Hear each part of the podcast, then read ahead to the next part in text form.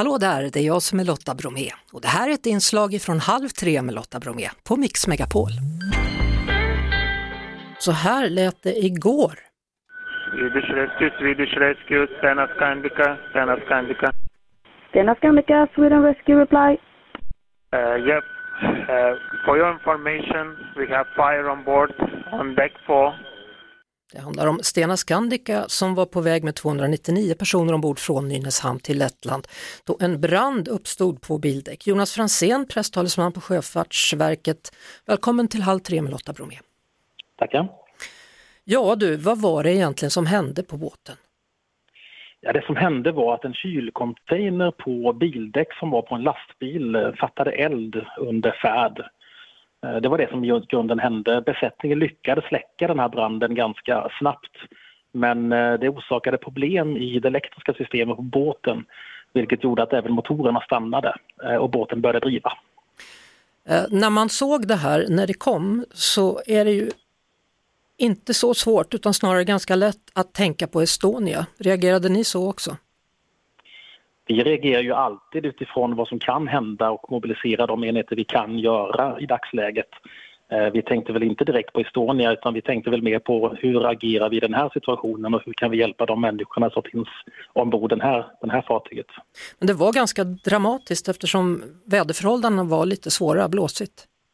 Ja, det var det. det, var det. Och även bogserbåten som vi skickade ut blev vi försenade på grund av höga vågor. Det var också problem när vi började vinscha människor från helikopter och annat tack vare den hårda sjögången. Så absolut, det var inga bra förhållanden igår kväll. Uh, och sen var det då blackout på färjan ett tag, men sen kom strömmen tillbaka? Ja, det var blackout tack vare det här elfelet uh, och uh, till slut så lyckades de få igång en motor på båten vilket gjorde att de kunde då köra bort från land och ut på öppet hav igen vilket gjorde att vi blev mycket lugnare eh, och det blir mycket bättre, förutsättningarna blir mycket bättre för oss att kunna komma fram med bogserbåt i tid och så vidare. Mm. Uh, ungefär 30 personer evakuerades då. Hur, hur, vilka var det som räddades? Ja, det, det gör ju besättningen eh, upp på ombord på fartyget. Den prioriteringsordningen, vilka som räddas och så vidare. Utan vi flyger ju dit med våra helikoptrar och vinschar dem som besättningen har prioriterat. Mm.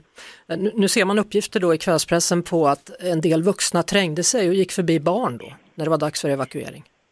Ja, jag kan inte uttala mig om exakt hur den processen och den gick ut, men det är klart att människor i den här situationen eh, kan få panik och det kan bli en, en, en, en konstig stämning ombord, absolut. Hur tar man hand nu om alla passagerare och besättning som varit med om det här? Ja, rederiet har ett stort ansvar här att ta hand om människorna som då har kommit till land i Nynäshamn nu. Eh, och jag vet att de är körda till med bussar till hotell eh, och ska tas om hand på olika sätt. Det var det. Vi hörs såklart igen på Mix Megapol varje eftermiddag vid halv tre. Ett poddtips från Podplay. I fallen jag aldrig glömmer djupdyker Hasse Aro i arbetet bakom några av Sveriges mest uppseendeväckande brottsutredningar går vi in med hemlig telefonavlyssning och, och då upplever vi att vi får en total förändring av hans beteende. Vad är det som händer nu? Vem är det som läcker? Och så säger han att jag är kriminell, jag har varit kriminell i hela mitt liv men att mörda ett barn, där går min gräns. Nya säsongen av Fallen jag aldrig glömmer på Podplay.